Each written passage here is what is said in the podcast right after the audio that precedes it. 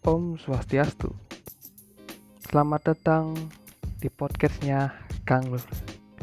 Kali ini aku akan membahas tentang Bakti Marga. Bakti Marga adalah usaha untuk mencapai kesempurnaan berupa Dharma untuk mendapat jagatita dan moksa dengan jalan sujud bakti kepada Tuhan.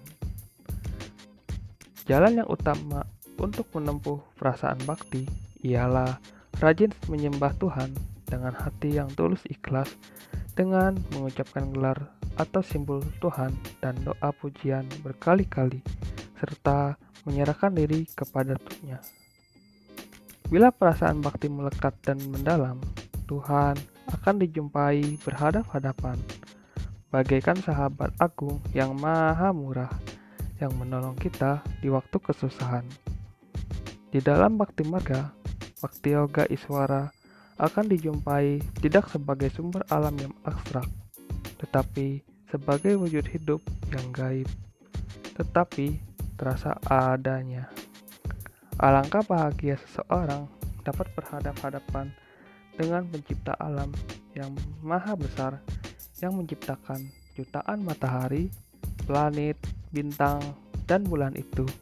Sedangkan dapat berjumpa dengan manusia besar, orang telah merasa bangga.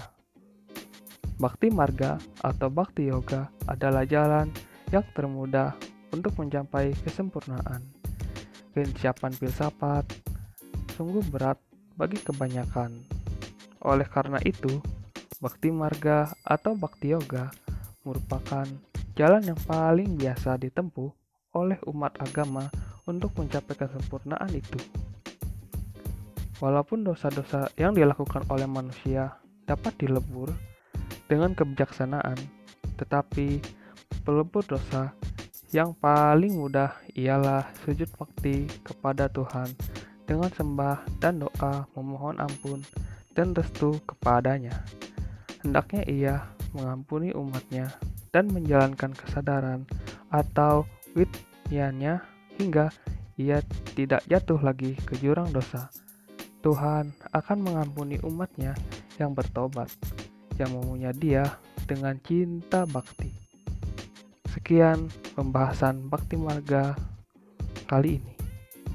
Semoga bermanfaat. Jangan lupa support podcast Kang Nur dengan menyawer di saweria.co slash Kang Nur.